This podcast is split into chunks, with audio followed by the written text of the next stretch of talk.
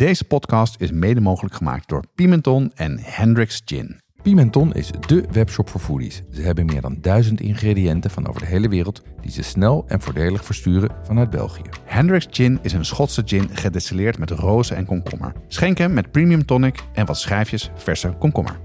Ook bij ons geldt geen 18, geen alcohol. Jonas, wat eet jij met kerst dit jaar? Nou, ik weet wat ik zelf ga maken op tweede kerstdag. Mhm. Ehm, dat zal ik zo vertellen. Maar op eerste kerstdag eet ik bij mijn schoonouders. Ja. En deze keer maakt iedereen iets. Oh, Wij maken een toetje. ja. Oh, fijn. Ik ben, eh, eh, volgens mij zijn wij gespaard door mijn schoonmoeder. Ja. Die zegt, eh, jullie koken altijd al wel. Ja. Dus eh, mogen jullie lekker wat simpels maken. Oké. Gaat mijn vrouw een lekkere taart maken. Mhm. Oh, dus jij bent echt helemaal hands-free. Ik waarschijnlijk wel, ja. fijn. Ik had wel wat ideeën geopperd, maar er werd toch... Nee, ja, tuurlijk. misschien kun je toch ook een taart maken? Ja. Dacht ik, nou ja, prima. Prima. Ehm, en eh, mijn schoonbroer gaat koken eh, met zijn zoons. Dus eh, ik ben heel benieuwd of het op tijd op tafel staat. Zeker. Maar het is heel gezellig, dus dat maakt niet uit. Het is zeker gezellig, absoluut. En op tweede kerstdag gaan we zelf koken. Ehm, en dan ga ik een menu maken. Ik ga de amuse maken van het kerstmenu. Dus Yes. oester met shisoblad en gerold in zalm. Gerookte zalm. Misschien gaan Topper. we zalm zelf roken. Een salade met ehm, octopus sous vide gegaard. Mhm. En dan ga ik proberen om de ehm, mayonaise te maken van het vocht wat overblijft van sous vide. Ja. Hè, wat eh, Iwan Driessen van Rijssel als tip had. Ja, ja. Ehm, en daarna maken we een tussengerecht eh, met eh, paddenstoelen. Paddenstoelen die we uit de vriezer die we nog hebben. Shiitake, een 63 graden ei. En daarin zit ik te twijfelen wat voor saus. Maar waarschijnlijk een soort van dashi-achtige warme saus. Dus Oké. wordt echt zo'n heel erg eh, heerlijk Oké. tussengerecht. Ja, maar het klinkt experimenteel. Eh, ja, een beetje wel, maar ik heb het wel vaker gemaakt. Oké. Maar goed. Eh, en als hoofdgerecht maken we eh reerug met een grand veneur saus. Lekker. En een toetje, dat weet ik nog niet, want dat Nee. ik een vriend van mij die ook langskomt. Lekker hoor. Heb je zin in? Eh, ik heb er onwijs veel zin in. Ja, Lekker. Absoluut.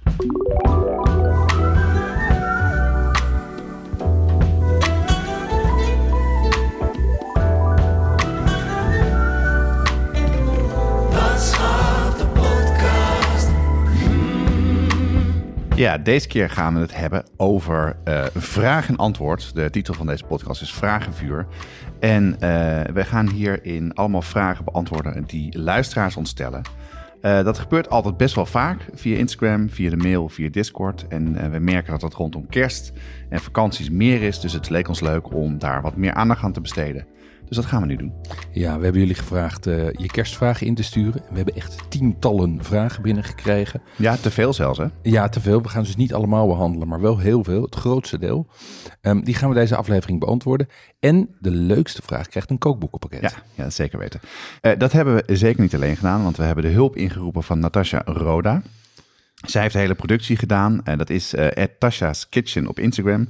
Zeker volgen, want ze eh, kookt ontzettend leuk en veel en bakt ook heel veel. Eh, eerder heeft ze ons geholpen met eh, de, het experiment van de vegan kaas van Dus. Zeker. En tofu heeft ze ook wat dingen gedaan. En ze kan er jammer genoeg niet bij zijn, want ze zit nu in Barcelona. Maar Ik denk niet dat ze dat zo jammer vindt zelf hoor. Ik denk dat ze Nee, wel fijn vindt. Ja. ik vind het wel jammer. ja, ik vind het heel jammer. Want ze heeft ons fantastisch geholpen. Dus dankjewel, Natasja. En ik heb meteen een drankje voor je Ja, meegenomen, precies. Kom maar door. Jonas. Ehm, ik maak met kerst eh, eh, bij- vaak een batch cocktail. Dus een cocktail die ik gewoon van tevoren maak in een grote, eh, grote hoeveelheid. Vandaar dat ik nu ook deze fles heb meegenomen. Die mag je overigens meenemen Oh ja, straks. top. Wat leuk. Ehm, en daar zit zo'n cocktail in die, die ik heb gemaakt voor een, nou ja, die ik van tevoren heb gemaakt. Ehm, en daarbij heb ik me even laten inspireren door de lancering vorige week van Jack Daniel. Die hebben hun Triple Mash gelanceerd. En dat Ja? is een bonded whisky. Ehm, en dat is voor mij de inspiratie geweest om deze cocktail te maken die de National Treasure heet. Lijkt mij wel pakken, passen bij bonded. Wat is bond whisky? whisky? Ja, bonded, dat is, ehm, dat wat dat betekent is dat het met een aantal regels is, ehm, het is eigenlijk een soort van? DOC-achtig keurmerk. oké, ja, ja. ja. Ehm, dus betekent dat het uit één destilleerderij is, uit één seizoen, want er schijnen twee bre- eh, eh, eh, destilleerseizoenen te zijn.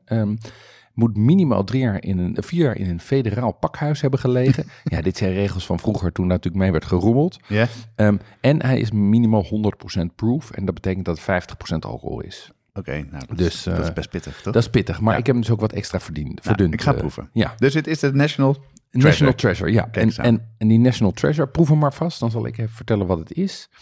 Ehm, eigenlijk is dit een soort, ehm, eh, is het een soort, soort iets wat in het midden zit tussen een Manhattan en een eh Boulevardier. Ja. ja. Ja, ehm, wat proef je? Ik proef ehm, overduidelijk whisky. Ja, Hij is lekker salvig. Er zit waarschijnlijk iets van, nou ja, eh, misschien iets van suiker in of suikersiroop in. nee. Maar, nee.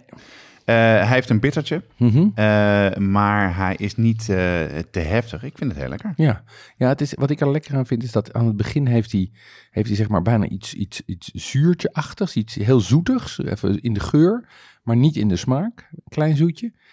Ehm, en ehm, wat erin zit is dus eh, eh, die ehm, Jack Daniels eh, Triple Mash, dus dat Ja. is een rye whisky. Verder zit er eh eh, Calvados in, zelf gestookt. Die krijg ik van iemand eh wiens naam wij niet noemen. Dan zit er eh, vermoed in. Ah, dat wat ik en daar zit eh eh, eh, Sinar in en Campari. Ah, Oké, oh, best wel veel dus. Ja, er zit best wel veel in. En eh, ja, ik vind, hem, eh, ik vind hem heel... Het is echt een soort van winterse... Nou ja, wat ik zeg, half Manhattan, half eh, Boulevardier. Ik vind Ja, hij is lekker, hij is lekker warm. ehm, en eh, we nemen dit op om, eh, om tien uur 's ochtends. Dus het is perfect om, om nu aan de cocktails te gaan. Zo is het. nou, ik het echt heel lekker. nou, jij mag die fles meenemen. Dan heb je, heb je, als je, heb je wat mee te nemen naar je schoonfamilie. Ja, zeker. Of misschien kan ik die zo uit mijn heupfles zo oh, met het hoofdgerecht inschenken tot het op tafel komt. Dat zou ik niet doen. Sorry, Wolf. Heb jij eh, wat heb je gedaan de afgelopen tijd, Jonas? Ja, oh, ik heb iets zo ontzettend tofs gedaan, Jeroen. Ja. Ik heb, eh, ben gaan eten bij de nieuwe winkel in Nijmegen. Ja, ja, ja. En eh, ik weet nog wel dat, ehm, nou, ik, wat was denk ik in, in het voorjaar of zo, of Mhm. vlak voor de zomer, dat de sterren werden uitgereikt. En ik was, ik, had, eh, ik was aan het werk en ik had even wat tijd over, dus ik kon meekijken naar livestream. Dus Mhm. ik dacht, ik, wel even, ik ben wel benieuwd wat er gebeurt. Ja, En eh, toen dacht ik, weet je wat, ik wil al zo lang bij de nieuwe winkel eten. Dus laat ik nou maar nu gewoon gaan boeken. ja. Dus ik heb geopend en gekeken wanneer er plek was. Het was een keer in, dus toen eh, was het door de week. Gekeken in onze agenda's of wij tijd hebben. Mhm. Hotel geboekt, eh, geboekt. En nou ja, op een gegeven moment komt zo'n periode dichterbij. En toen werd het moment dat we daar gingen, dus gingen eten, de dag daarvoor werd bekendgemaakt dat het eh, was uitgeroepen tot het beste groenterestaurant. Kijk, Ja, en dus geheel toevallig waren wij de dag daarna waren we daar. leuk. Nou, het is ehm, dus een eh, volledig groente gebaseerd restaurant. Ja, Het menu was ook het op, op een boter na eh, helemaal vegan. oké. Vegan zelfs. Ja, Ja. ja. helemaal. Oké. En ehm, het was echt te gek. Ja? En, het, en wat, ik er zo, wat ik er zo leuk aan vond, is dat het ehm, weer een totaal nieuwe ervaring was. Een totaal nieuwe gerechten die ik nog nooit zo geproefd had. Mhm. Nou, om een voorbeeld te geven, daar zat een, een soort gerechtje in wat- met ui. Ja, En dat was gewikkeld in boomschors. oké. Heel dun, heel lekker, met een crunch. En je at die boomschors ook? Ook alles had je op. Eh, ik heb ook een saté gegeten van een SCOBY. Scoby, die kwal, zeg maar, die De in je, die in je, de in kombucha, ja. drijft. Oké, Want ik zei, eh SCOBY, is dat dan van kombucha? Zei hij, ja, ja, Ja. inderdaad. oké. Eh, vond mijn vrouw minder lekker. Ja, Een soort, soort, soort saté-achtige saus bij, maar dan gemaakt van, ehm, van noten uit de buurt. Ontzettend, ja, dit was wat funkier qua mondgevoel, maar wel eh, smaakvol. En eh, we hebben, wat ik er ook heb gegeten bijvoorbeeld was een chocolademousse van kastanjes en gefermenteerd eekhoornsbrood. oké. En gewoon alsof je chocola had. Echt waar? Ja, echt Oh. helemaal top. Leuk. Maar wat nou zo grappig was, we begonnen bijvoorbeeld ook, dan kregen we een klein glaasje. Dat Ja. was met, ik denk met zonnebloempitten. Mhm. Eh, en dat was alsof je een soort van dashi dronk. En dat was een heel vol klein slokje met eh, veel umami. En daar begon je dus te eten mee. En alles was heel vol. oké. Ik heb nog no- echt helemaal geen enkel moment het, eh, het vlees gemist. En hele toffe, toffe soorten gerechten. Heel anders. Leuk. Dus keiharde aanrader hoor Het is echt hier. zeer hard. En wat ik ook zo charmant vond, is dat wij zaten daar met veel jonge mensen. Oké, En toen keek ik dus op de, op, op de site. En het blijkt dus dat je door de week eh, een drie gang menu kon bestellen. Voor Oké. een hele goede prijs. ja. Dus eh, Wat ook- is goede prijs? dat was 65 euro. Oké, dat ik bedoel, dus, is niet weinig, maar voor een, zaak van dat niveau is dat, is Ja. dat echt wel weinig. En het, en het tasting menu was ook echt helemaal niet duur. Het was gewoon echt bijvoorbeeld de helft goedkoper dan, dan andere Michelin-sterren restaurants. Het is nog steeds wat meer geld. en Ja. je moet het ervoor over hebben. Eh, en wat ik ook zo leuk vond, het was ook gewoon een ontzettend goede sfeer. Leuke bediening. Chefs die aan tafel komen. Ik wa- was weer even vergeten hoe, hoe een soort feestje het kan zijn om bij echt zo'n topzaak te eten. Zonder het gevoel te hebben dat het opgeprikt en ingewikkeld is. En, eh, dus eh, nee, dat was echt zeer de moeite waard. goed, die kan bij mij op de lijst. Heb je nog meer gedaan? Ja, ik heb dacht laatst, ik ga weer eens de eh bolognese maken, Ja. op klassieke manier. Ja, En daar een lasagne mee maken. lekker. En toen had ik het boek erbij gepakt van eh, A tot Z pasta, waar we al eerder over hebben gehad in, de- Aha. in de pasta-aflevering. Eh, kijken van ja, hoe maakt zij dan de, de lasagne? Ja, En daar stond dus bij van, als ik het maak, is het altijd één grote chaos in de keuken. oké. Toen dacht ik, hè, chaos, dat valt wel mee. Je maakt die saus, je maakt dan die vellen en dat vul je en dat is klaar. Ja, Maar toen dacht ik, weet je wat, ik ga misschien de vellen wel eh, zelf maken. oké. Ja, dat was dus niet zo slim. Nee, nee. Want Dat- alles ging plakken, alles lag aan elkaar vast. En, Ook voorkoken. en Ja, voorkoken. ja, en, maar het was wel heel lekker. Ehm, en eh, dus mijn keuken was één grote puinhoop. Echt waar? Ja. ja. Ja, dus het was. ehm, dus, maar het was wel lekker. Alleen ik had waar ik een beetje dan. eh, wat me toch tegenstond, is de hoeveelheid bechamel die er doorheen gaat. Ja? Ja, ik vond het toch te vettig en te veel. Dus eh, ik heb nog zitten kijken, kan je dat vervangen? Nou, een paar tips die je online vindt, is om bijvoorbeeld eh, ricotta met melk te doen. Ja. Daar een staafmix in te zetten. Ja. Of gewoon yoghurt. Mhm. Dus eh, dat ga ik misschien de volgende keer proberen. En doe jij bechamel er ook tussen of alleen er bovenop? ja, het is helemaal volgend recept, dus ertussen. Oké. En eh, dat is misschien ook te veel. Doe jij het Ja. alleen bovenop dan? Ik, ik, doe het, eh, ik doe een beetje ertussenin. Het hangt er een beetje vanaf hoe nat mijn ragout is.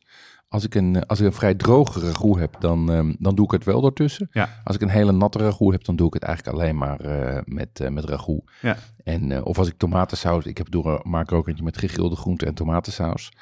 Ehm, en dan doe ik hem niet ertussen. Ja. En dan doe ik, hem, eh, doe ik hem alleen bovenop. Ja, kijk, het is wel ehm, met die sausaflevering hebben we het daar natuurlijk ook over gehad. En veel van die bechamel dingen zitten bekijken. Dus ik denk, nou, ik ga het gewoon eens een keer doen volgens recept. Ja.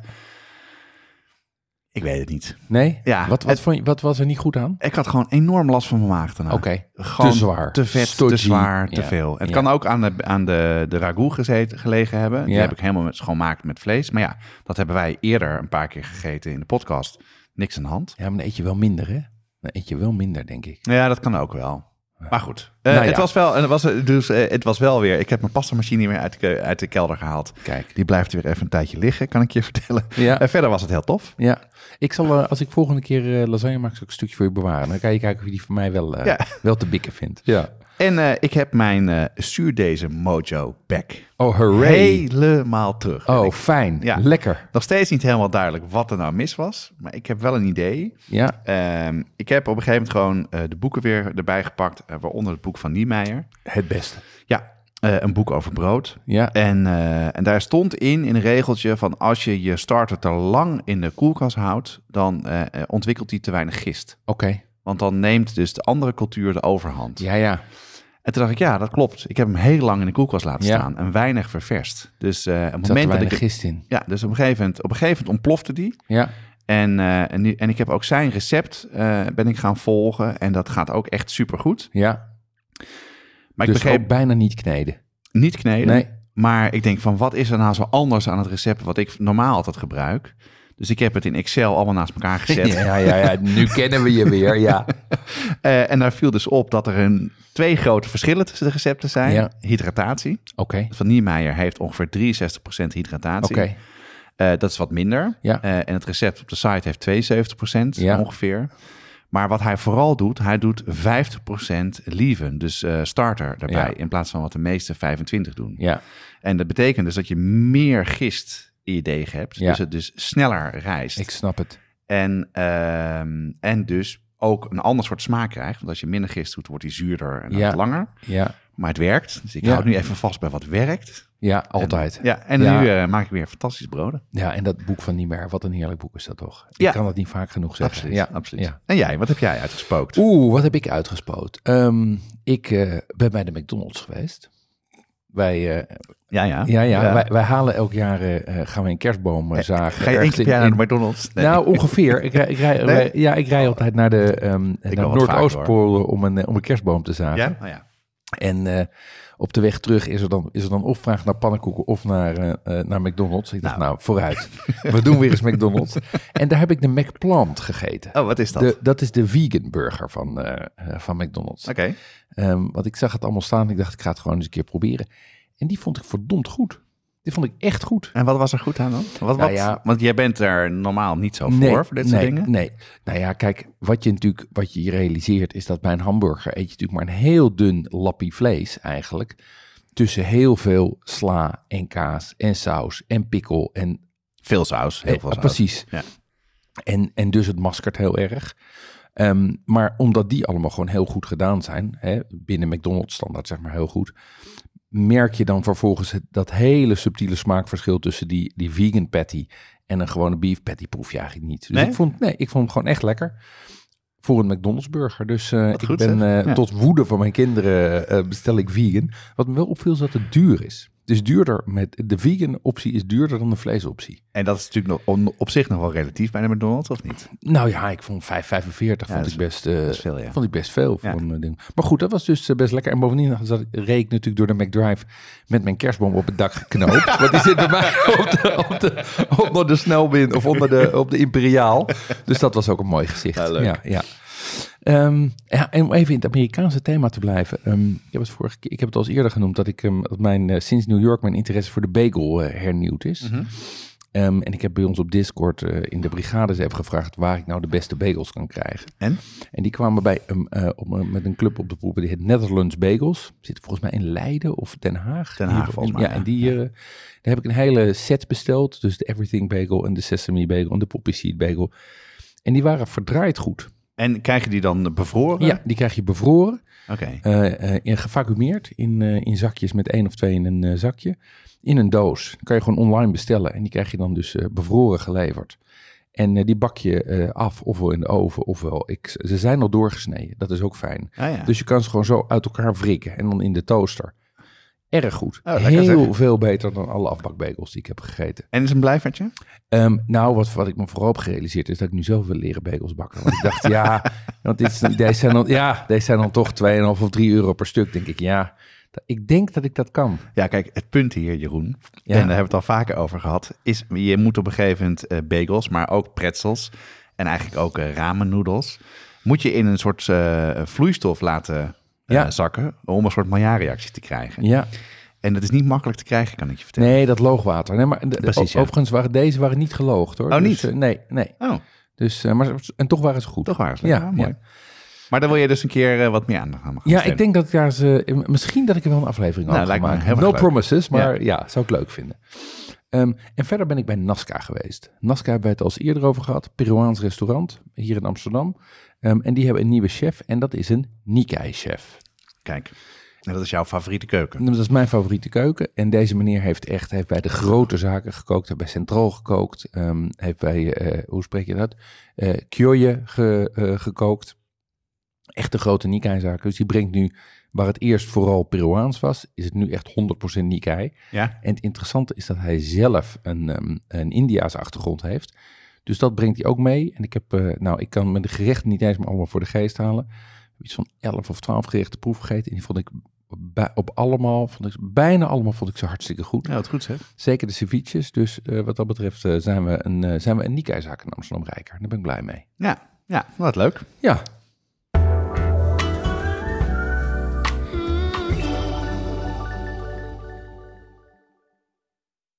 Op onze site hebben we ruim 400 recepten staan, maar voor meer dan 200 ingrediënten moet je toch echt even naar een speciaalzaak gaan of een toko. Ja, en vanaf nu kan je die dingen online vinden bij onze partner pimenton.be. Dat is de webshop voor foodies en hobbycooks. We hebben inmiddels al onze recepten gekoppeld aan een webshop.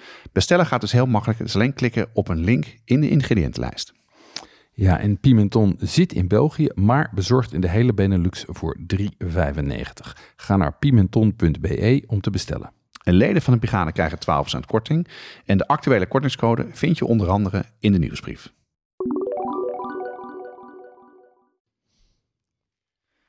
Goed, Jeroen. Eh, het vragenvuur. yes. Eh, we hebben dus, eh, wat je al eerder zei, gevraagd aan mensen om hun vragen in te sturen. ja, Daar hebben we er heel erg veel van gekregen. Mhm. Daar hebben we een selectie van gemaakt. En die gaan we nu beantwoorden. En de eerste vraag gaat over hoe je kookt met beperkingen. Hè, want je hebt niet overal waar je een kerstmenu maakt alle spullen bij de hand. En soms sta je dus ook in de vreemde keuken, zoals bij je schoonmoeder. mhm, precies. Goed, ik zal de vraag van Lisanne even voorlezen. Ik kan alleen koken met twee elektrische pitten bij mijn oma. Geen oven of gasfornuis. Help. Ja, het was geen vraag. Het stond uit op de Ja. Nee, Maar ja, er kijk, toch, toch antwoord bij. ja, eh, bij. ja, ja ik, eh, ik, ik herken dit wel. Ik heb, een, ik heb ook een oud-tante waar ik, eh, waar ik wel eens een, voor heb gekookt. In een, in een verzorgingstehuis zelfs. Ah, ja, joh. Ja, en daar moet je echt je logistiek op aanpassen.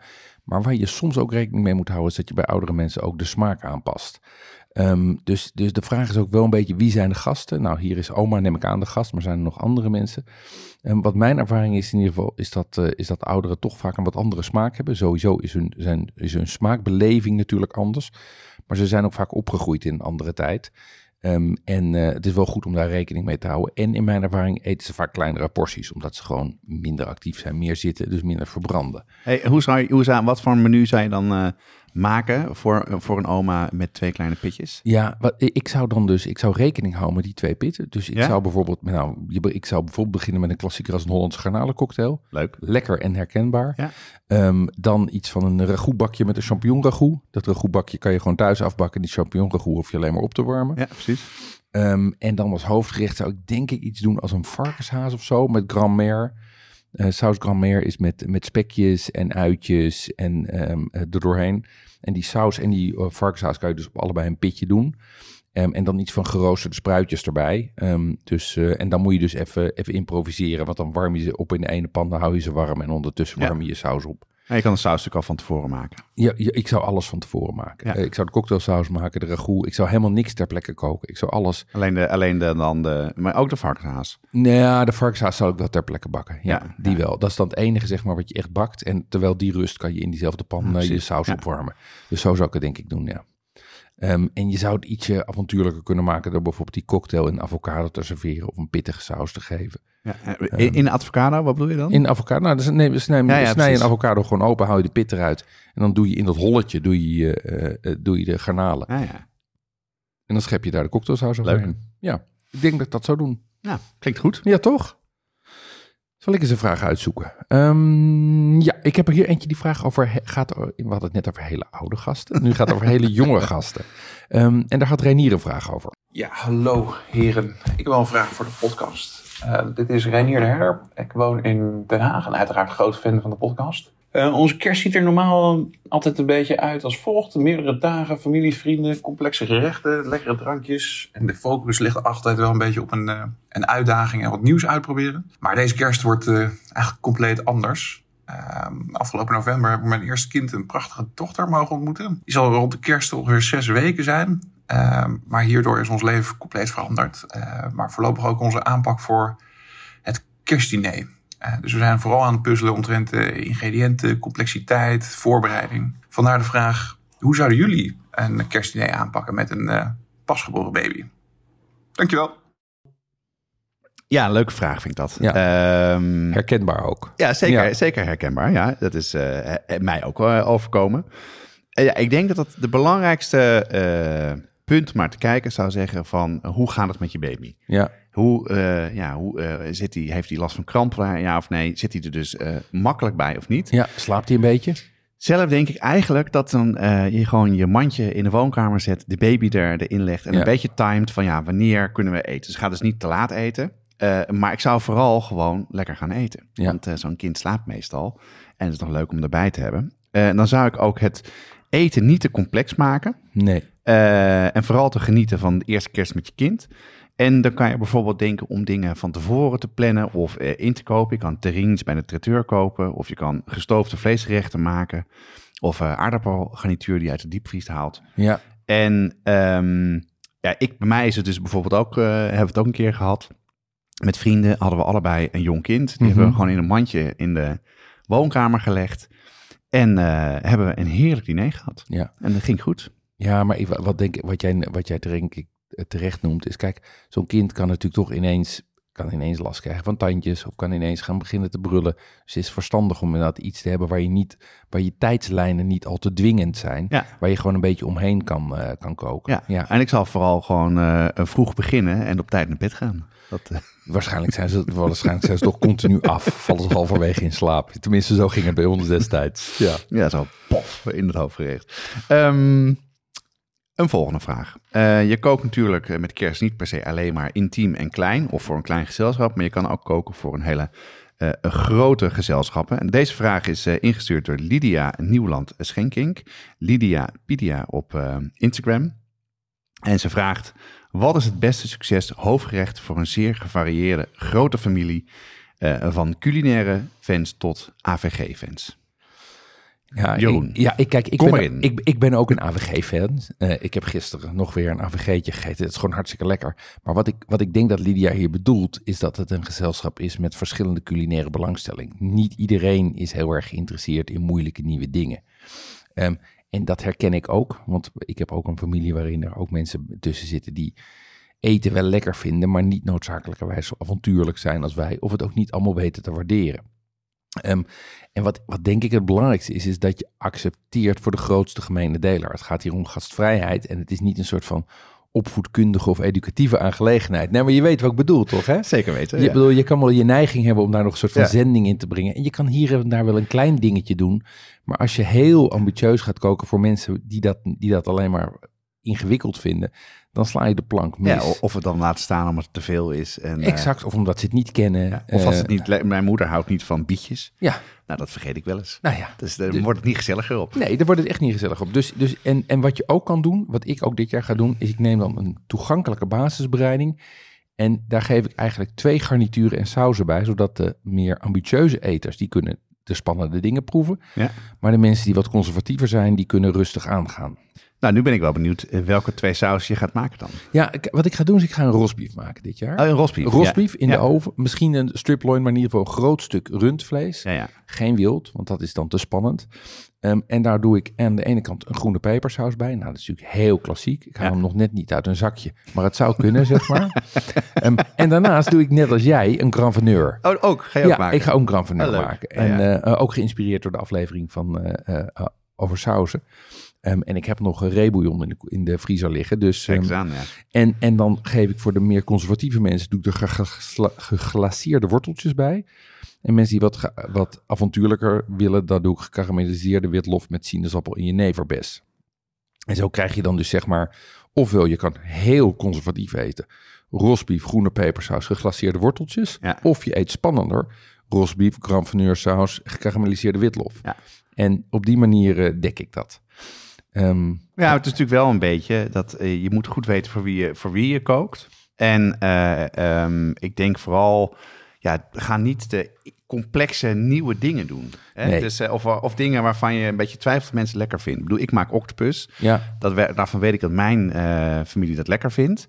Maar ja, als ik daar niet helemaal zeker van ben, ja, dat vinden sommige Maak mensen gewoon, ja, vinden ze ingewikkeld. Dus dan, Wat ik, wat ik ook wel eens heb gedaan, bedenk ik me nu trouwens, is ik heb ook wel eens een, kip gemaakt in twee versies. Had ik groter ik twee kippen. Eentje heb ik demi-dui gedaan. Dat is onder, dat noemen ze onder in halve rauw. En dat betekent, en dan schuif je plakjes zwarte truffel onder, de, onder het vel. En de andere naturel. Ja. En zo kan je dus de hele, zo heb je dus aan de ene kant en, en die schaal die zat dan zat dicht bij jou. Daar mochten dan de, mochten Ja. bepaalde mensen niet van pakken. Nou, die hoefde dat ook helemaal niet. Die vonden dat maar eng. Serieus? Ja, nee, die Ah, dat niet. En, eh, en, en kip is natuurlijk altijd lekker. Ehm, misschien, we zetten het recept voor, die, eh, voor de gewone kip wel even onder op de, op de site. En als je die dus demi-dui wil maken, hoef je alleen maar een beetje eh eh, truffel onder de huid te duwen. Ja. Verder geen recept. Kijk, dieetwensen zijn natuurlijk toch vaak een beetje de, een curveball voor, eh, voor koks. eh, in de professionele keuken, maar ook voor de, voor de hobbykok. Eh, geen vis, geen vlees, geen noten of geen gluten. Ehm, en wij kregen een mooie vraag die begrip heeft voor de mensen waar ze bij op bezoek gaat. Mijn naam is Lotus, ik woon in Zutphen en ik heb een glutengevoeligheid. Dat is geen celiakie. Wij vieren tweede kerstdag bij vrienden en ik heb een vraag. Hebben jullie tips voor mijn vrienden om een kerstmenu met simpele ingrepen glutenvrij te maken? Het zou mooi zijn om een kerstmenu niet te veel geweld aan te moeten doen, zodat alle partijen een goede kerst hebben. Ja, dat is echt. ehm, gelukkig heeft zij dus een intolerantie. Of een, eh, eh, maar als je echt celiakie hebt, dan ben je echt, echt de sjaak. Ja, Een eh, vriendin van mij heeft dat. En dat is echt, echt verschrikkelijk. Nou, wat ik zou zeggen, en dat klinkt misschien een beetje onaardig als gast. Maar eh, eh, als eh, gastheer, degene of vrouw die kookt, je moet het super serieus nemen. Ja. Ten eerste moet je zeker weten of iemand die allergie heeft, dus echt celiakie heeft, of een intolerantie. Want intolerantie heb je er last van, maar word je er niet doodziek van. nee. Maar een beetje bloem Een klein broodkruimeltje maakt iemand al heel ziek. Ook Een celiac, ja. Ja, ja maar Ja. ook wel intolerant. Daar heb je ook echt, echt vet last van. Dus uiteindelijk is het eh, misschien niet het allerleukste voor de kok. Maar probeer gewoon te koken zonder gluten. Ja. En als je in de supermarkt kijkt of eh, producten koopt, er staat tegenwoordig een, een logo op. Dat is een, eh, zeg je dat? Een tarweplantje met een streep er doorheen, Mhm. een cirkeltje. Ehm, dat kan je doen. En je moet vooral opletten dat je geen kruisbestuiving krijgt. Dus als jij wel voor ene groep met eh, eh, gluten kookt en de andere niet, ja, dan, dan moet je dus echt opletten met het brood of met, Ja. met meel. Of, eh, en wat het ook is, en dat weten heel veel mensen niet, is dat je ontzettend moet opletten met kan-en-klaar dingen of met halffabrikaten. Ja.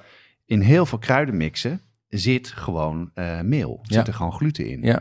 Ehm, sojasaus, Ja. heel vaak, soms staat het erop dat het niet is, heel vaak zit het er wel in.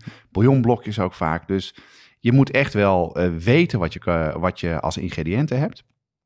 En wat ook wel een belangrijke tip is, ehm, eh, je zal vaak de oven gebruiken. Ja, En de oven is ook wel een soort van plek waar je met veel gluten kookt. Dus, zeker. eh, zeker als je brood bakt of dingen Zeker. bakt. Ja, Dus die moet je heel goed schoonmaken. ja.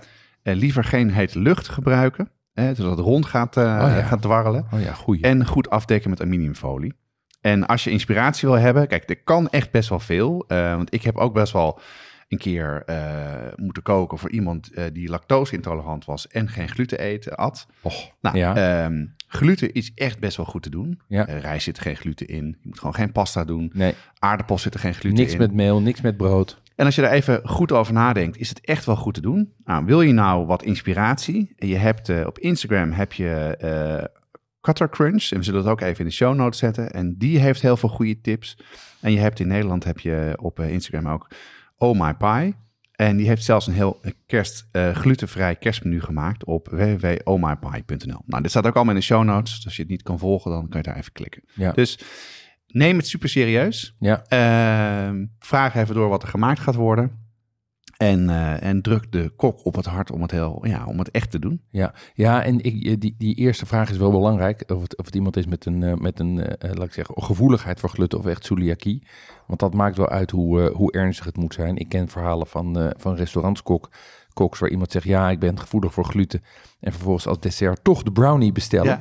Eh, en daar worden koks die ontploffen dan. Die Ja, hebben dan de hele keuken schoongemaakt en alles eh, eh, glutenvrij gedaan. Of diegene die nog een biertje drinkt Ja, daarna. de- precies. Nog, exact. Ja, daar kunnen, maar, maar echt celiakie is wel iets om... de hel, ja, het is echt, ja, het is net als met, noten, met notenallergie, zeg maar. Een, een klein krummeltje kan Ja. gewoon tot, tot heel, heel veel consequenties Ja, je krijgt er leiden. enorme, enorme buikpijn van. En je Ja. bent gewoon helemaal van de leg. Dus, dus ik heb het door schade en schande geleerd. Ik was een keer met die vriendin, van mij eten. En ik eh, brak een klein crackertje. Ja, En ze werd helemaal gek. Ja. Ik dacht, jee, doe even, doe even chill. nee. Nee, maar toen later zei ze, ja, maar dit gebeurt er met me. dacht ik, oh ja, nee, je hebt helemaal gelijk. Ja, Goeie vraag. Een andere vraag gaat over eh, de kerstklassieker, namelijk de kalkoen. ja, Eh, het is niet iets wat ik gemaakt heb of snel zou maken. Nee. Maar ja, het hoort eh, toch wel bij de Anglo-Saxische eh, versie van kerstmenu's. Ehm, ik zal mij voorlezen. Hij komt van Kobe. En de vraag is, kalkoen wel of niet op de barbecue en wel of niet vullen? ja ik, heb, ik, ik, ehm, ik, heb het, ik heb het gewoon een keer willen proberen. Een kalkoen. Eh, want ik had ook een beetje het Grote gevoel kip, wat jij hè? had. Eigenlijk is het gewoon king size kip. Ja. Ehm, het grote risico is dat hij droog wordt. Ja, ja. Want hij is heel groot. Ehm, en, en dat zorgt er dus voor dat je, nou ja, dat, je mak- dat je hem lang in de oven moet hebben staan, dat hij uitdroogt. En de grote uitdaging is om te voorkomen dat hij uitdroogt. Wat met kip ook al een uitdaging is. Precies. En Ja. met, met kalkoen nog meer, ook omdat Ja. het nog magerder is. Oh ja, Ehm, nou ja. ja ehm, belangrijkste maatregel daartegen, dat hebben we ook al eens in de kipaflevering gezegd, is pekelen. Sowieso nat pekelen. Dus Wat is pekelen, Jeroen? dat is dat je hem een nacht van tevoren in een, in een brine, in, een, eh, in, in water legt met daarin eh, vaak eh, sowieso zout vaak ook een beetje suiker Ja? en eh, vaak kruiden. En daardoor, dat trekt helemaal in het vlees en dat zorgt ervoor dat het sappig blijft. En ook smaak, hè? En, en ook smaak en tast dus, en breekt de structuur ook een beetje af. Dus wordt hij wat, wat, Ja. wat eh, minder taai van. Ja, ja, en wat ik doe is ik, ehm, eh, ik neem daar zo'n, eh, zo'n, ik noem het maar gewoon even, zo'n Hema-bak voor met zo'n deksel. Ehm, want daar past dan precies, als je die op een goede maat kiest, past daar precies zo'n kip. Want zo'n kalkoen is natuurlijk een forse unit, hè? Die weegt, die weegt 6 kilo of Ja, zoiets. Ja. Dus die past daarin, dan laat je hem onder staan en dan, eh dan brine je hem daarin. Oké. Ehm, er zijn online allerlei recepten voor brines te, te Ja. vinden. En wat met Brian wel zo is, eh, daar gaat best wat zout in. Ja. En je denkt, oeh, dat is te veel. Maar je moet je gewoon voorstellen dat het wordt opgelost in al het water wat erin Klopt. zit. En, en je hoeft daarna je kip niet meer te zouten of dat soort dingen. Want hij Klopt. is al helemaal gekruid. Hij is helemaal gekruid, ja. Ja. Ehm, en dan kan je hem ofwel eh hot smoken op de barbecue. Dat is het enige wat ik zou doen. Ik zou hem niet zeg maar eh, eh, op hoge temperatuur garen. Dus hot smoke op 120, 130 graden. Maar ja, dan ben je voor een kalkoen dus wel 10 of 12 uur bezig. Dus dat is laag en traag met laag rook. en traag met rook. Ja, en dan moet je wel eh, nog een speciale barbecue voor hebben of maakt het niet zo vaak? Nou ja, je moet, je moet sowieso een barbecue hebben waar het in past natuurlijk. Ja, en je, zeker. En je moet een barbecue hebben die die, tempera- die tijd die temperatuur vasthoudt. Ja. Dus dit is wel barbecue voor grote jongens en meisjes, in dit geval Kobe. Ehm, dus eh, dat wat ik ook heb gevonden wat een goede oplossing is, is een braadzak. Die braadzak ken je wel van de kip. Ja, ik ken het een beetje, maar leg eens uit. Wat, ja, eh, dat is, ik, ik weet eigenlijk niet precies waar het is, maar het is een, een, een transparante kunststof die een beetje knispert. ja? Ehm, en, ik eh, gooi hem altijd weg, eh, dus moet eh, ik dus niet doen. Nee, nou ja, en wat je doet is je pakt hem daarin in en daardoor al het vocht, zeg maar, eigenlijk stoomt hij op Ja. hele hoge hitte Ja. in die zak. Een soort van Dutch oven is het eigenlijk, Ja, maar dan voor je, eh voor je eh cocoon in dit geval. En die kan je dus ook formaat eh cocoon krijgen, en die die zeg maar formaat vuilniszak. Ehm, en ja, en die zet je in de oven. Dat duurt lang, hè? Het is, Dat, nou, het is nou niet dat ik echt zin heb om een kalkoen te maken. het is 2,5 of 3 uur. Ja, dat is lang, ja. In de Ehm, oven, hè? In, precies, 2,5 Ja. of 3 uur in de oven. Ja, soms 4 of 5 uur hangt van het Ja. gewicht af. Ja. Hey, dus brinen, Ja. belangrijk. Daarmee droogt hij minder uit. Voeg je heel veel smaak toe. Ja. Zeker eh, het, het magere vlees van, van een kalkoen. Precies. Eh, in een barbecue is laag en traag met, met rook. Je zou natuurlijk overal kunnen zeggen... we roken hem een beetje van tevoren... en doen daarna in de braadzak in de oven. Ja, En die braadzak is om ervoor te zorgen... dat het vocht erin blijft, dat het niet te ver uitkookt. correct. Ja. Correct. Dan eh, is in mijn beleving altijd een kalkoen... een duw je helemaal vol met een broodvulling. Ja, En doe je dat ook? Nee, nee, ik, Nee? Heb daar, ik heb daar uitgebreid onderzoek naar gedaan. niet? Nou kijk, het verhaal is dat het daardoor sappiger blijft. Mijn ervaring is... Is dat het- zo? Ja, mijn ervaring is dat daardoor niet sappiger Nee, blijft. ik zou het, dat zou ik ook niet denken. Want Nee. alle sappen die gaan daarin. Die gaan daarin zitten. Ja. Dus, dus wat je in, in, in ieder geval in Amerika op dit moment ziet, is dat mensen de vulling gewoon losmaken. Dat de vulling eigenlijk gewoon los in een schaal wordt bereid. Ja, ja. Ehm, en dat je dus wel de vulling erbij eet, maar niet erin bereidt. Er is één uitzondering op. Je kan hem helemaal, als je hem helemaal ontbeent en dan vult, dat is wel weer fijn, want dan heb je gewoon en dan heb je eigenlijk een soort van omhulsel van kalkoenvlees, waar dus een vulling in zit waar je plakken van kan snijden Ah, ja. zonder de botten. ja. Maar eh, een kalkoen van 5 kilo uitbenen is wel even een klusje. Ehm, je kan overigens dit soort kalkoenen, die kan je vaak op kant-en-klaar bestellen. Ik Ah, ja. weet dat hier in Amsterdam een aantal traiteurs zijn. En ik weet bijvoorbeeld dat een aantal groothandels ook hebben. Die zijn al ontbeend en gevuld. En dan heb je dus gewoon zo'n ding en gegaard. Dus heb je gewoon een ding die je alleen maar hoeft op te warmen. Ja. Dat is ook wel een idee. Hey, en eh, en, eh, een vulling eh, van een, een, kleinere, een kleinere vogel met nog een kleinere vogel. Want dat heb je wel eens gedaan. de turducken. Nee, Ja. ik heb de turducken Heb nooit, gemaakt. Nee, Oh. maar ik zou hem wel willen maken, Dat is ja. wel echt iets voor jou. Ja. Ja, ja, ja. De, de turducken is een, is een, is een, een kip in een eend in een ehm, eh, turkey, in een cocoon. De turducken. Ja, ja. Is, maar dat is een beetje... Ik, ik moet zeggen dat ik daar inmiddels... Ik vind het leuk. Het, het zijn de soort exotische projecten die ik mooi vind om te doen. Maar ik vind het ook een beetje eh, vleesverspilling, hoor. Als ik het zo hoor. eh, ja. Goed. Over vleesverspilling gesproken. Ehm, eh, ik denk dat bij heel veel mensen dit jaar thema, vega echt wel een belangrijk thema is. Ehm, eh, bij ons thuis is dat ook een, een bron van eh, discussie. Eh, eh, Discussie? ja, ja Terwijl jij veel vega eet. ik eet veel, ja, en mijn zus is inmiddels vegan, Ja. dus die is helemaal. eh, maar mijn kinderen zijn, maken een soort van tegenbeweging, zoals alle kinderen zich afzetten tegen hun ouders. Nou ja. Gisteren werd er echt gezegd: eh, pap, ik wil gewoon ook door de week weer eens een keer vlees eten. Ik word niet goed van al dat vega eten. Serieus? Ja, ja. Ja, ik merk wel aan mijn, mijn ik heb dan eh, mijn zoon. Ik, ik verdenk hem er soms van, want die houdt ook enorm van vlees. Ja. Maar soms denk ik ook dat het gewoon te maken heeft met zijn groei. Dat Ja. ze gewoon eh, eh, aminozuren wat in het vlees zit Ja. nodig hebben. En dat ze dat gewoon nodig hebben om, te, om groter te worden. Nou ja, dat, het, het, je kan natuurlijk allemaal uit alternatieve bronnen halen. Maar mijn oudste zoon, die veel sport en die ook een beetje spiermassa wil opbouwen. Die zei ook, pap, ik heb ook gewoon proteïne nodig. Anders ga ik van dat poeier, eh, ga ik van dat wijpoeder nemen. Ik zei, nou, maar goed, ik maak wel gehaktbal. dus dat heb ik gedaan. Met wijpoeder. Nee, zon- ja, ja, ja. Ehm, Maar goed, terug naar vegan. ja, nou ja, en daar heb ik dus een mooie vraag over. Ehm, en dit is een vraag van Maarten e Ekkel, die zegt... Ideeën voor familieleden die niet zitten te wachten op een vega hoofdgerecht. Ja, ja. Ehm, Ik denk gewoon wel lekker vega maken. Ja, Ehm, het is toch kerst. Je zit aan tafel. Als je eenmaal aan tafel zit, kan je niet meer terug. nee. Maar kijk, wat ik wel denk is... ehm, ik herken het wel, want ik heb het een aantal eh, jaren terug ook gehad. Mijn broer had een hele lange periode gehad dat hij, dat hij vegetarisch was. En, maar dat is ook echt volledig, ook geen vis. En ehm, toen heb ik wel lang nagedacht over een gerecht om te maken. Kijk, en, en wat er vaak gewoon is, omdat mensen dat niet altijd gewend zijn, vegetarisch, dat het eh, vaak een beetje smakeloos is. Ja, dat het, gewoon, dat het gewoon eten zonder vlees wordt. Of dat, dat Ja. is nog veel erger, maar dat je dan gewoon iets van groente erbij knalt en niet nadenkt over. Kijk, want vlees heeft natuurlijk wel een hele diepe smaak van zichzelf. Er zit vaak een saus bij of is hoog, hoog op smaak Ja. gebracht. Dus ik denk dat je als je daar ja, mensen wil meekrijgen, of in ieder geval eh, het gezellig aan tafel wil hebben, Ja. als je dat maakt, en zorg ervoor dat het heel veel smaak heeft. Dat, je- dat mensen die vlees eten her- het herkennen en dat, er, eh, dat het er spectaculair uitziet. Nou, hoe krijg je die smaak nou in? Met name door umami. Ja. Dus je, dat is gewoon al een smaak eh, van zichzelf die, die, die heel ja, vol is. Ja, En je kan bijvoorbeeld kruim maken of broodkruim, wat je heel hoog op smaak maakt, wat je erbij doet. Dus dan, dan is het gewoon ook een textuurverschil en, en heel lekker. Nou, hoe krijg je nou die, die, die smaak erin? Eh, door bijvoorbeeld eh gekarameliseerde uien te maken. Mhm. Die worden zoet van zichzelf. En als je die lekker maakt met wat suiker, eventueel wat zuur, dan wordt die heel gekarameliseerd en heel vol van smaak. Mhm. Eh, je kan Worcestershire saus gebruiken. Dat kan je zelfs vegan eh, kan je die kopen. Ehm, miso is altijd een hele goeie. Dat is ook al heel plant-based en het zit heel, zwa- het heeft ook heel, heel zoutig. Sojasaus en paddenstoelen werken altijd. ja, En als mensen niet kijken, doe je een beetje MSG er doorheen. Want dat geeft ook, ja, dus gewoon pure umami die erin tuurlijk. zit. Ja. MSG is de bom. Ja, en maar denk ook bijvoorbeeld tomaten zit veel MSG in.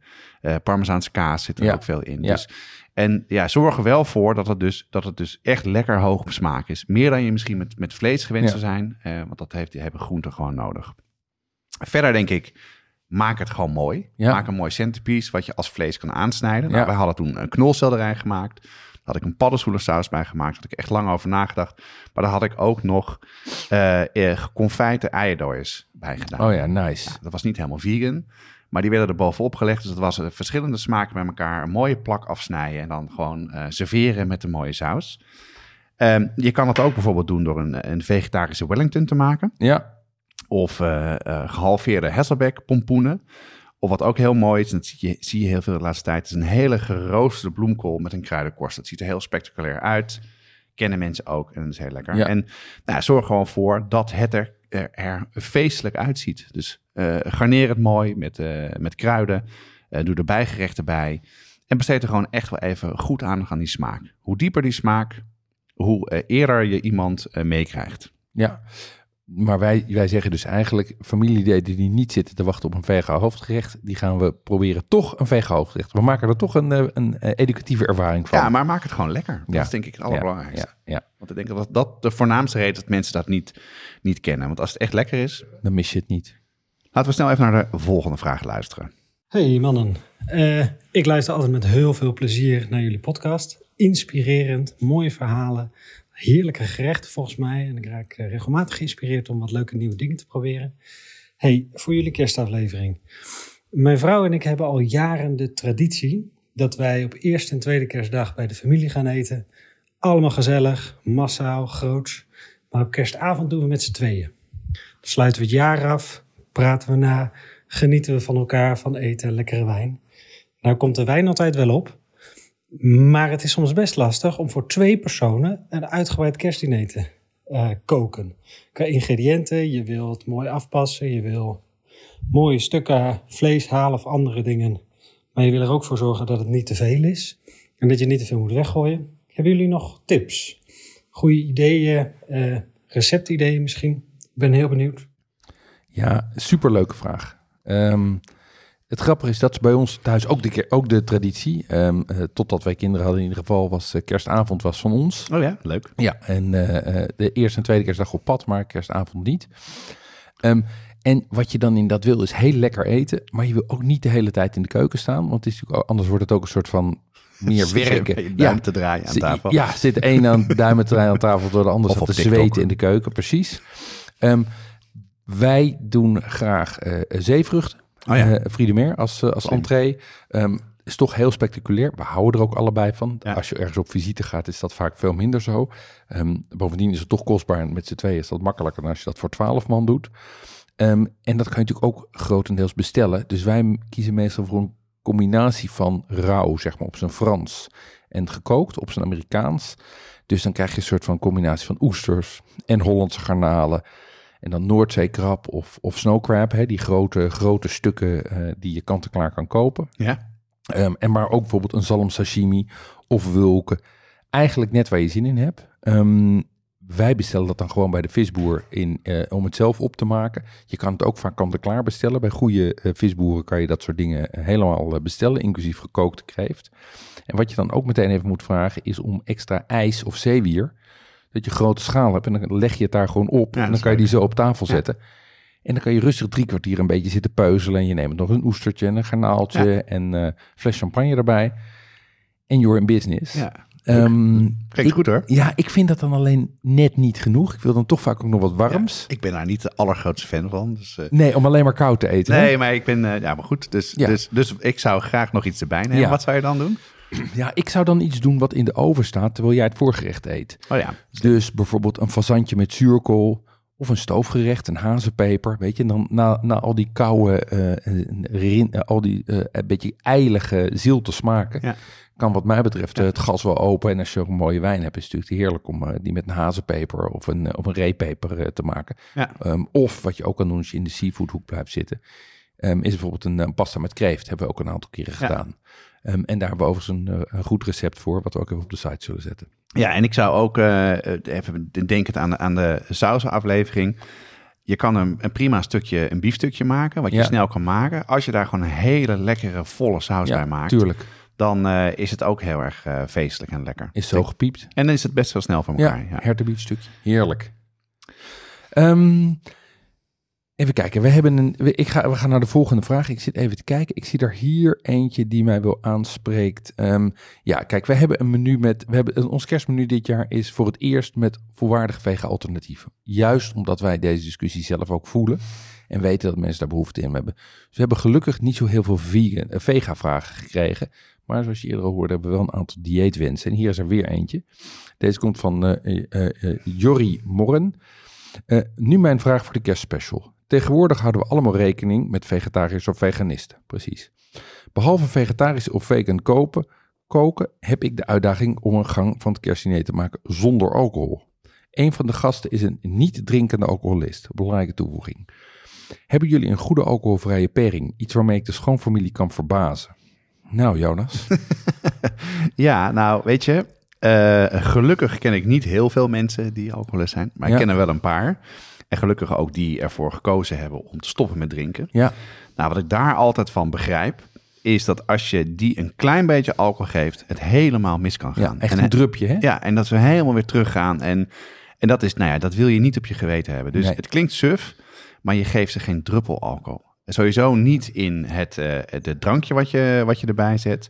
Hè, dus eh, je hebt eh, Belgisch bier, je hebt bier, eh 0.0 bier. Maar je hebt ook bier waar nog 0,5 alcohol in Ja. Kombucha moet je ook echt een klein beetje bij opletten als Ja. het niet gepasteuriseerd is. Dan kan er ook alcohol in zitten. Eh, en je moet het niet verwerken in je eten. Want eh, men zegt dat, het er, dat je het eruit kookt, maar er blijft altijd wat in zitten. En ehm, ja, het gaat niet alleen maar om de drank die op tafel staat. Ik zou ook dus, dat, als er iemand alcoholist is, of oud-alcoholist is, eh, ook geen drank schenken. Het Nee. hele menu niet, ook niet, ook niet door de gasten. Ehm, maar goed, wat je kan doen, is je kan eh, bijvoorbeeld als drankjes eh 0.0 bier eh, erbij zetten. En er zijn echt hele goede alternatieven tegenwoordig. Even goed kijken wat je kan doen. Bijvoorbeeld een 0.0 Belgisch bier, dat is wat zuurder. Eh, kan je doen. Dan kan je bijvoorbeeld, wat jij al zei, een eh garnalencocktail bij Oh ja, maken. klassieke combinatie, ja. Maar dus geen cognac of sterke drank in de, in Nee. de saus. Want Nee. dat zit er vaak wel bij. Om hem, dus daar even goed naar zoeken hoe je dat dus kan Ja, doen. kan je gewoon weglaten, toch? Ja, of iets meer eh worcestershire saus. Ja, of precies. iets met je vissaus. Of iets om hem iets hoger op smaak te krijgen. Ja, Ehm, je hebt kombucha's, maar let dus op dat daar dus echt geen alcohol in zit. En, je, en thee is echt leuk. Je kan thee heel veel oh ja, kanten ook op gaan. goeie. Je kan er dus zowel warme thee, maar ook gefermenteerde thee doen. Dan heb je ook veel soorten, ehm, ja, ehm, kan je in de winkel kopen. En verder dus als je goede kombucha hebt, ja, dat is best wel goed te doen, omdat dat, dat heeft wat zuur in zich. Ja. Dus dat, dat kan je veel vrij snel trekken naar witte wijn. Ja. En ja, zoek dan in je gerecht eh, naar, een, naar een smaakbrug tussen het zure of misschien de geur van, eh, van de kombucha. En zoek daar dan of eh, een zuurtje in je gerecht wat je wil, wil highlighten. Als je een visgerecht maakt Ja. bijvoorbeeld.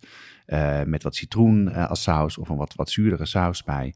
Ehm, of ga wat meer in die wat funkiere smaak vinden. Dus je kan er best wel veel kanten op gaan. En het, het staat lekker op zichzelf. En he- niet heel veel mensen kennen het waarschijnlijk. Nee. Nee, en wat, wat in dat verband ook een leuke tip is, is, is Nomi. Ehm, is, een, eh, het is een drankje van, eh, is een, is een culinair breed inzetbaar drankje. En dat is een iced tea van zwarte gedroogde limoen en rozenwater. En die heeft ook die complexiteit en dat zuurtje. En die kan je overigens ook gewoon gebruiken om sauzen af te blussen of dat Ja, soort tuurlijk. dingen. Ja. Dus ehm, Maar goed, je kan dus natuurlijk kombucha ook heel goed gebruiken in sauzen. Eh, om, om hem ja, absoluut. complexer te maken. en Absoluut. zuurder. Ja, en als je die smaakbrug wil bouwen, kan je dat natuurlijk met al die, met al die drankjes doen. Zeker. Ja, klopt. Maar er is genoeg te kiezen. Eh, ik zal vooral eh, het even uitproberen en eh, te bedenken waar het lekker bij is. Ehm, we hebben ook nog een vraag gehad over een heel ander soort kerstmenu, namelijk een Aziatisch menu. En deze vraag komt van Loes Zomer. Na de uitgebreide rijsttafel van mijn broer ben ik chef Toetje. Help, wat is lekker na zoveel smaken? Ja, vond ik een hele leuke Leuk, vraag. hè? Ja, een hele leuke Ja. vraag. Ehm, kijk, ik zou zeggen, blijf binnen het thema. Als je een rijsttafel hebt, en een rijsttafel is natuurlijk, is natuurlijk echt een Indo-ding, hè? niet Indonesisch. In Indonesië kom je het nooit tegen. Het is echt een, een Nederlands Indo-ding, maar het is natuurlijk een, een tafel vol met gerechtjes. Ehm, ik zou Als ik er nu aan denk, heb ik er al zin in. Ja, toch? Ja, Ja. het is altijd heerlijk, vind ik het. En ik zou dat ook doortrekken naar het dessert. Dus ik zou kiezen voor een desserttafel met, met Indonesische zoetigheden. Nou ja. Ehm, spekkoek, pandancake, eh kokosijs, dat soort dingen. ja. Zelf ehm, spekkoek maken. Dat kan. Als je heel veel tijd hebt, is dat een... eh, Gewoon kopen, hè? eh, ja, zou spekkoek zou ik echt gewoon kopen. Ja. Ehm, er is overigens een... eh, eh, eh, Lola van Roeler heeft een eh, boek Toko Lo, eh, het Indonesische bakboek. Daar staan een aantal er staan echt hele hoop eh, leuke recepten in.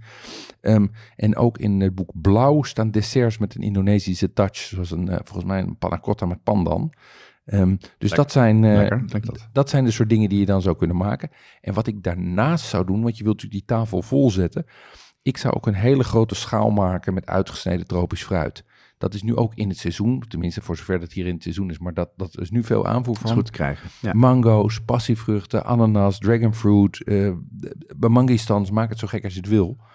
Als je dat garneert met, met halve passievruchten en mini-ananasjes, misschien zelfs eetbare orchideeën, heb je gewoon, en die kan je gewoon, die kan je gewoon bestellen hè, bij je groenteboer, heb je een spectaculaire Ja. eh, eh, schaal op tafel. Dan zet je daar wat zoetigheid omheen. En dan Ja. kunnen mensen zelf ook kiezen of ze na zoveel eh, smaakgeweld een stukje spekhoek nemen, of wat fruit, of allebei. ja, wat ontzettend goed idee. Hè? Ja, ja, leuk. ja, toch?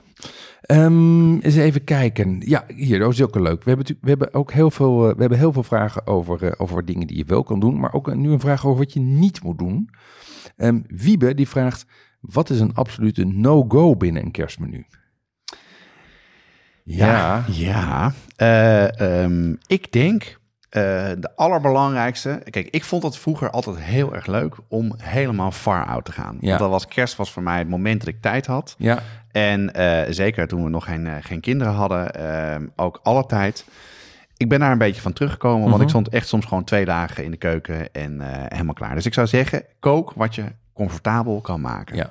Dus ga eh, liever niet iets nieuws doen. Als je iets nieuws doet, eh, maak het dan van tevoren. Of maak een gedeelte van tevoren. Iets waarvan je denkt, dit is, dit is het moeilijkste. Ja.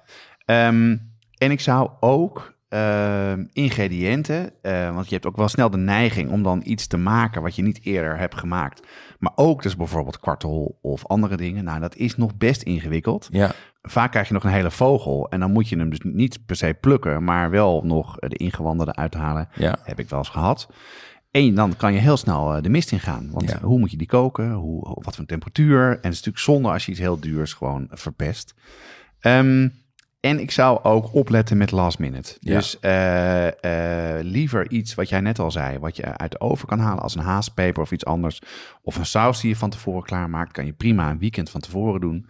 Dus, maar hou het gewoon, het klinkt een beetje saai, maar hou het gewoon behapbaar. Ja. En eh, los van het feit dat het leuk is dat je dan relaxed aan tafel zit, dat je keuken niet ontploft is, Maar het is lekker en dan weet je gewoon zeker dat het gaat lukken. En dan voel je je ook veel toffer. Dus ik, dat zou mijn voornaamste tip zijn. En jij? Dus ja, ja, ik, ik sluit me daar helemaal bij aan. Eh, culinaire krachtpatserij is niet, dat is kerst, is dat niet het moment voor. Dan moet je gewoon binnen je comfortzone koken. Ehm, ik kan me herinneren, een jaar, tientallen jaren geleden, van een tante van mij, die had een, met kerst iets, iets, een nieuw recept voor wild zwijnfilet met gerookte paling. Ja, ik geloof, Oh-oh. ja, ja, klonk, het was een nieuw recept. Filet, wil zijn filet. Wild Ja, zwijnfilet. dat is nog best te doen, toch? Ja, maar dat moesten we voor 14 man maken. Oké. En nou, ik denk, we zaten anderhalf of twee uur te wachten op het hoofdgerecht. Zo lang, joh. Ja, kwam ze bezweet de keuken uitrennen. kregen we, Iedereen al wat meerdere glazen wijn, ja, vermoed ieder- ik. kregen we kurkdroog wild zwijn met een plakje paling en een geschifte saus. En hoe was die paling dan? Ja, Oh, nou ja dat, dat kwam gewoon niet bij elkaar, zeg maar. Dus het was, het was een soort van het echt ruim boven de macht aan het koken. En iedereen zei aardige dingen, maar was eigenlijk ook gewoon hangry en wilde naar huis. Weet je, het was kwart over elf of zoiets. Oh ja, het was joh. ook echt, ja. En, en die tante, die kan echt koken. Maar dit was te moeilijk. En zeker als je voor te veel mensen kookt en nog allemaal voorgerechten erbij hebt. Het is gewoon, het is niet leuk. Het is, Ah, je, je vergeet gewoon eh, vaak, want vaak kook je gewoon één gang. Als je, als je goed kookt. ja, En maar als je ineens een vijf gangen gaat maken, dan moet je ook, eh, denk je, oh ja, oh, dat moet ik niet vergeten. Oh, dat moet ik dan doen. Ik eh, kan me ook nog een ding herinneren. Ik had een keer, ging het voor het eerst truffel eh, Ja. ging ik erbij doen. Dus ehm, ik ging naar de, naar de, je hebt dan eh, in Amsterdam de, de sja- slager juwelier. Nou, de ja, mensen ja, weten ja, wel ja, wie, wie ik exact. bedoel. Op de Utrechtse straat, die Zeker, ene. Ja, zeker. zeker. Eh, en die had de truffels, dus ik had die meegenomen en het regende een beetje. En ik zat op de fiets en ik denk, wat ruik ik toch? En eh, het was ook zo'n geur van alsof, alsof het gewoon iemand zijn, zijn jas niet goed gedroogd Ja, was. ja. En ik zat zo om me heen te kijken. Op een gegeven moment keek ik naar mijn tas naar beneden en ik, oh, dat zijn gewoon die truffels. maar iedereen zat zo echt zo op de, het stoplicht zo om zich heen te kijken van, wat is dit voor geur? wat- was lekker. Was wel lekker. Ja, ja. ja. Maar ja, en klassiek de fout gemaakt om het veel te lang in de saus te doen. Dus in die saus hij proefde je niks van. Smaak weg. De overheen wel. Ja, ja, ja. Eh, goed. Ehm, we hebben, eh, laten we iets klassieker gaan. Want we hebben ook een aantal vragen gekregen over een gerecht wat veel mensen denk ik zullen willen maken. Namelijk beef Wellington. Zeker. Een echte klassieker. Ja, Eh, ik heb hem nog nooit gemaakt. ja. Eh, ik heb thuis hard gelobbyd om hem niet op het kerstmenu te krijgen. Nou, dat is nu dit jaar gelukt. Jij hebt hem wel eens gemaakt, toch? Ja, ja. Ehm, dan zal ik, er zijn een paar vragen over binnengekomen. Ik zal ze allebei even benoemen. Dan Ja. ben ik benieuwd wat jij daar eh, op te zeggen hebt. Eentje is van Niels eh, Hilkman. En die vraagt, wat is een goed recept voor beef Wellington? De tweede vraag is van Juri Merks. En is, wat is de ideale temperatuur bij een beef Wellington? Ehm, laten we eerst even schetsen wat beef Wellington is. ja. Beef Wellington is een ossenhaas. Ja?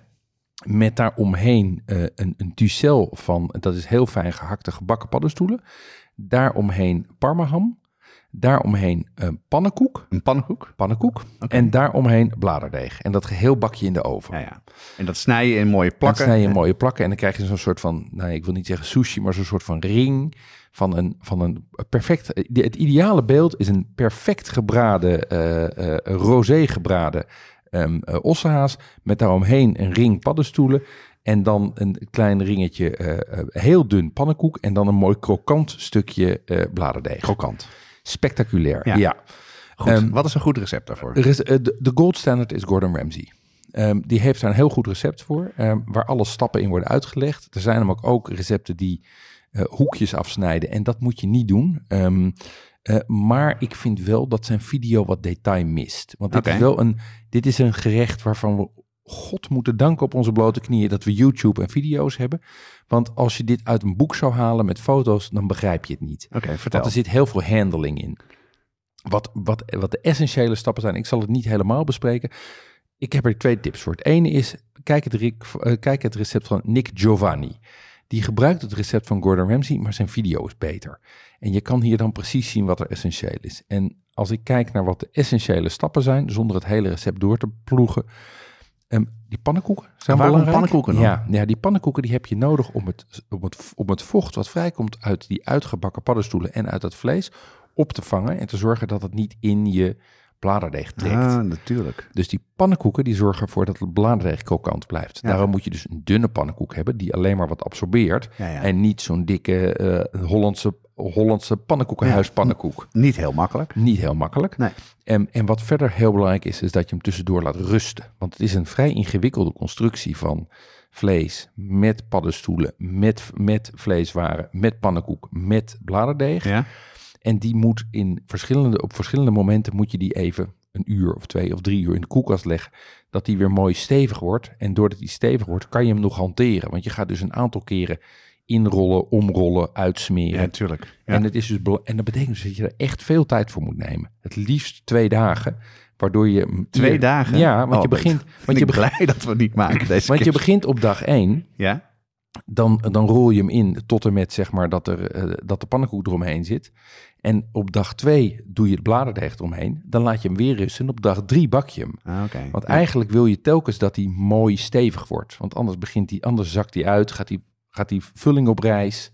Dus dat zijn belangrijke dingen. Hey, en hoe krijg je dan het vlees eh, helemaal eh, goed? Ja, daar zijn, daar zijn eh, drie dingen van belang. Ehm, het eerste is natuurlijk, de belangrijkste vraag is, wat vind je goed? Wil je rare? Wil Ja, je wat is- medium rare? Wat is lekker hierin? Ik, ik vind medium rare hier het best. ja, Ehm, dus, een, dus de buitenkant is hier wat gaarder dan in de binnenkant. Nee, als het goed is, is hij helemaal eh, perfect. Maar zit hij in tussen rosé en rare? Ja, ja. ja, medium ja. rare. Rosé kan ook overigens, want het is ossehaas, dus dat is zacht genoeg van structuur. Ja, Ehm, maar niet iedereen houdt ervan. niet iedereen houdt daarvan. kerst. Nee. Ehm, maar je, um, rare zou ik sowieso niet doen, want Nee. dat is gewoon niet, dat, dat past qua structuur niet. Maar well zou ik ook niet doen. Nee, dus zonde. rosé is mooi. Ja. Maar hoe, dat is best complex, want je ziet het niet. Exact. Nou, daar kan, je, daar kan je twee dingen doen. Of je steekt er een kernthermometer Ja, in. Dat is een makkelijke oplossing. goed, ja.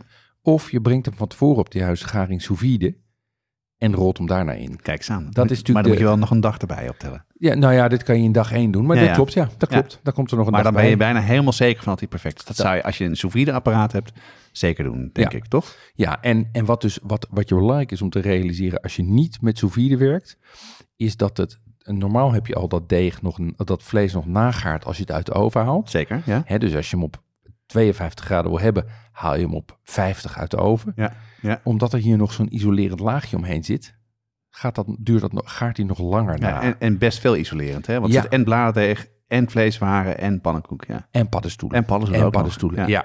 Dus ik ga meestal 5 graden onder mijn doel zitten. Oké. Ehm, en dat is ook wat Nick adviseert. Die zegt als je rare hebt, dan haal je hem tussen 38 en 43 eruit. En even eh, 43 is, en dat deel dus 5 uur op, kom je op 48 graden. Dat is rare. Ja, ja. Ehm, en hij zegt voor medium haal je op tussen 49 en 53 eruit. Ik zou medium, zou ik op zeg maar 50 eruit halen. En dan kom je uit op 55, dan zit je echt op Ja. rosé. En dat is wat de meeste mensen echt prima vinden. Hè, Dat is wat mee, ja, en Ja. Als je, omdat je ossehaas hebt en dat is al mooi mals, eh, blijft dat, Ja, blijft ja, dat wordt goed. niet te droog. Ja. Maar ehm, ik denk dat als ik het voor een groot gezelschap zou maken. En bedenk, je hebt dus ook, bedoel, als je kijkt naar de huidige prijzen met kerst, als je ossehaas koopt, dat kost gewoon 9 of 10 euro het ons. Dus als je voor 12 man, eh, als je voor 12, dan heb je gewoon 150 euro een ossehaas eh, eh, liggen. Ja. Ik zou voor sous gaan. Ja. ja. Ja, dan wil je dus niet dat het misgaat. Nee. Als je zoveel geld uitgeeft. Ja. Nee, en je komt er pas achter als je doorsnijdt. Ja, Dus dan ja. kom je bezwetend uit de keuken, vol, enthousiasme presenteer je dat, snij je hem door en dan zie je zo'n grijs-grauwe ding. maar- Ja. Je Of, gek. of helemaal rood. Ja. Word je ook gek. Dan worden andere je mensen kan hem niet in de pan even oppakken. Oh, nee. het is, het is, maar ik, weet, ik moet wel zeggen, eh, eh, eh, mijn vrouw wilde hem heel graag maken. Ik, eh, ik, ben, ik krijg wel een soort van challenge gevoel. Ik wil het toch wel gaan proberen. zou ik het lekker op de verjaardag doen, maar niet Oh met ja, de kerst. Dat is ja, een goeie. Ja, Ja. lekker met z'n tweeën. lekker met Klein z'n- stukje. Oh ja, precies. Met z'n vieren, maar ja, ja, klein stukje. Zo is het. Goed idee. Zullen we nog een vraagje doen? Zeker weten. Ehm, ik denk wel dat we dit, dit- ja, ja, ja. De laatste vraag dan. Ja. Voor dit deel. Ehm, een ware kennisvraag. Eh Jet Allemekinders vraagt: wat is het verschil tussen platte en krulpeterselie? Ja, ja. En eh, dat hebben we even opgezocht. Eh, daar hebben we onder andere de dikke Van Dam bij gepakt. Ja. Meestal mijn eerste stap als ik dat soort dingen wil weten. Eh, daarvan, platte peterselie heeft meer smaak. Ja. En krulpeterselie veel minder en wordt heel vaak als garnering gebruikt. Mhm.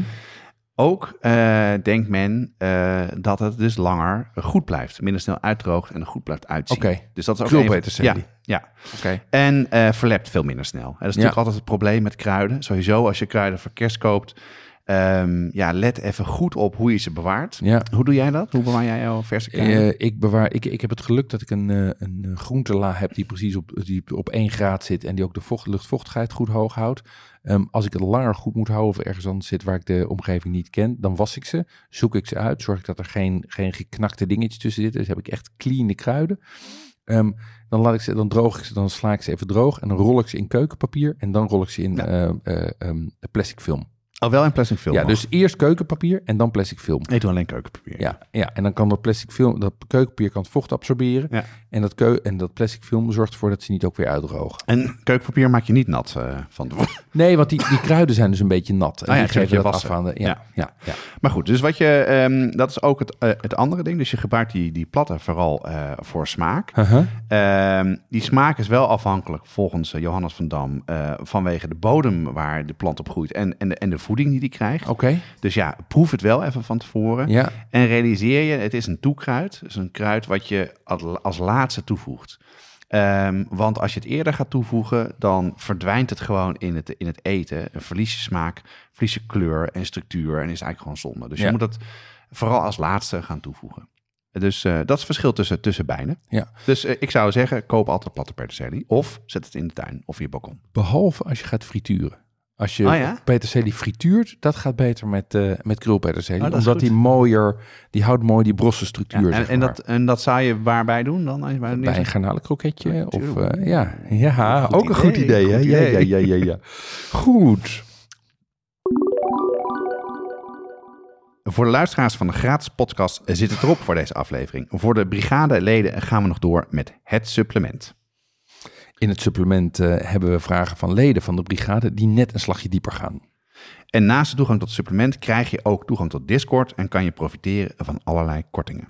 Als je ook lid wil worden van de brigade, ga dan naar www.petjeaf.com slash en meld je aan. Maar goed, voordat we verder gaan, moeten we nog even de winnaar bekendmaken van de leukste, origineelste vraag die ingezonden is. Want daar hebben we een leuke prijs voor, toch? Ja, we hebben, een, eh, en we hebben even overlegd met Natasja. Die heeft eh, alle vragen verzameld.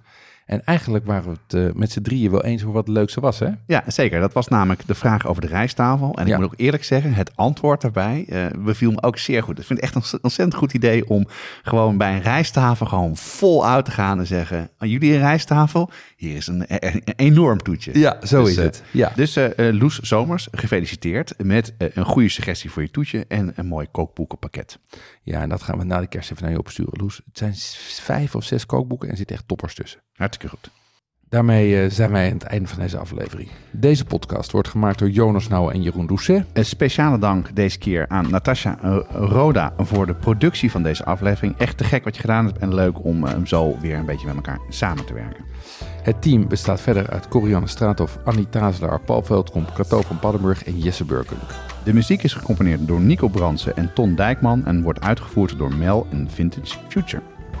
En ik zeg tot volgend jaar. Zeker weten. Tot volgend jaar. Podcast?